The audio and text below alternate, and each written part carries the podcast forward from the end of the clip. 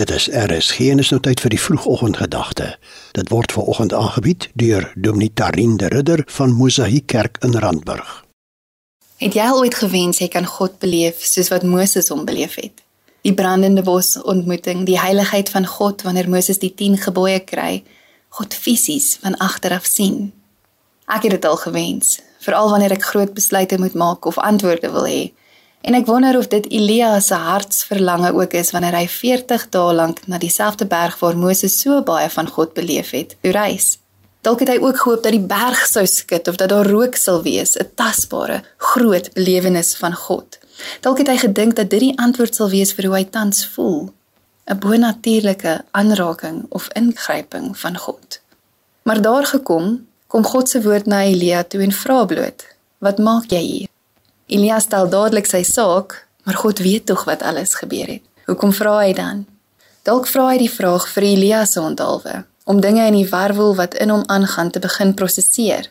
God se reaksie is nie 'n antwoord nie, sy reaksie is 'n ontmoeting, maar nie op die manier wat Elia gedink het nie.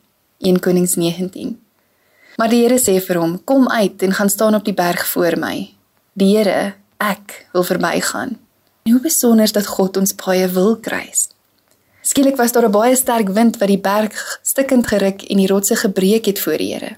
Dit moes seker vir Elia laat dink het aan hoe God vir Moses ontmoet het. Maar in die wind was die Here nie.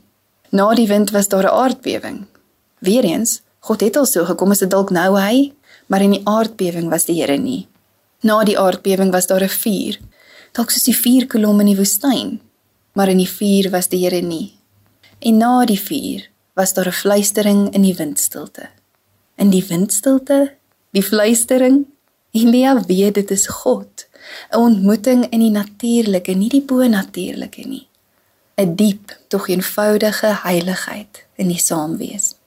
En dan weer, wat maak jy hier?